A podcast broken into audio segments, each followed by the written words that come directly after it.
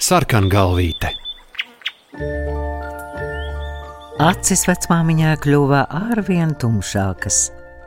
Viņa nodīja meitas meitai sarkanu cepurīti, lai labāk varētu redzēt, kur viņa nāk pa smilgām aizaugušu lauku ceļu.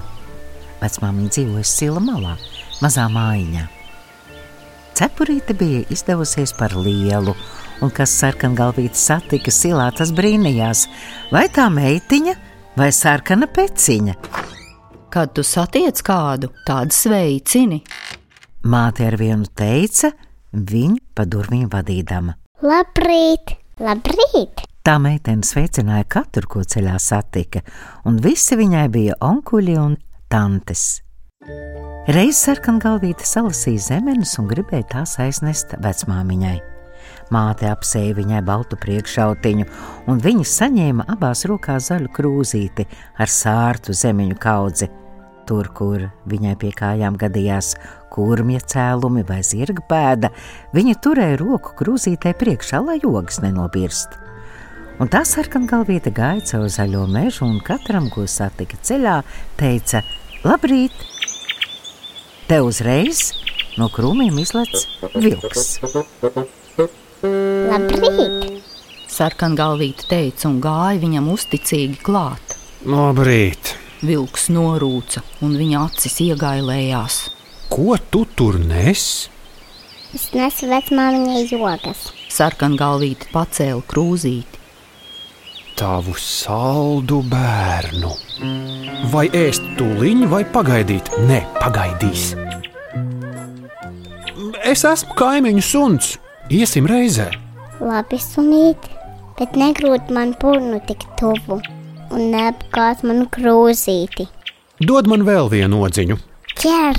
Sarkangalvīte uzmeta pašu sarkanāko zemeni vilkam uz mēles. Vēl! Vai sunīt, kāds tev sarkans acis? Tas no tavas krūzītes.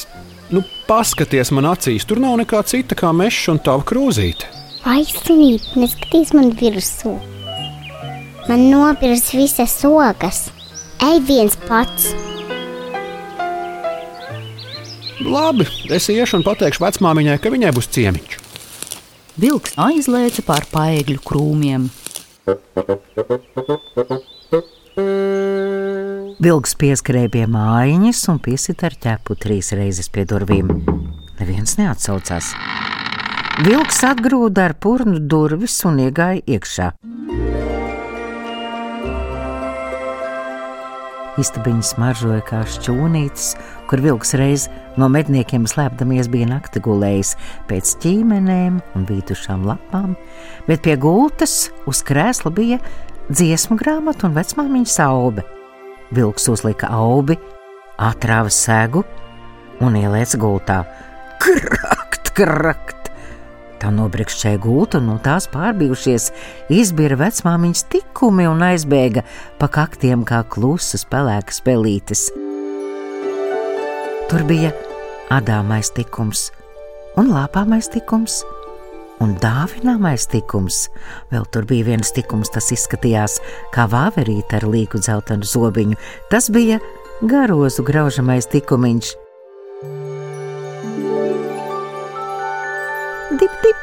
Uzplaka nākmens pie durvīm, nodunēja basas kājas. Labrīt, vecmāmiņ! Labrīt, meitiņ! Vai kā sāp mugura? Es tev atnesu odziņas. Sarkangalvīte tecēja klāt un sniedza krūzīti. Ai! Kad vilks jau bija sagrābis viņu un klunkt, klunkt, norīs. Tad pacēla spurnu vēl, ostīja gaisu. Kur meitiņa palikusi? Tik izsalcis viņš bija. Te mednieks nāca caur silu un taurēja ar savu radziņu. Mednieka suņa dzina vilkam pēdas un pieskrēja pie mājas durvīm. Mednieks noņēma visu no pleciem un klusi pavēra durvis. Vilks izstiepies gulēja vecmāmiņas gultā, un vēders viņam bija tik liels kā diviem vilkiem. Vai tik nav ko norījis nelietis? Mednieks domāja un ar nazi pārgrieza vilka vēderu. Labrīt! Sarkangalvīte līda no vilka vēdera ārā. Viņa bija vesela, tikai izskatījās drusku nomiegojusies un saburzīta kā ģēriņš, kas sūnās gulējis.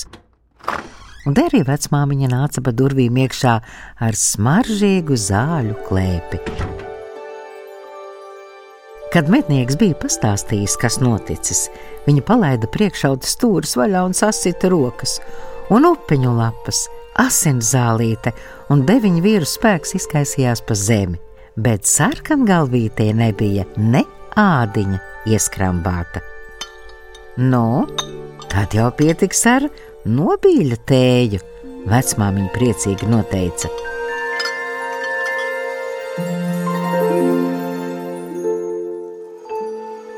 Tālāk bija? A, kas tālāk bija?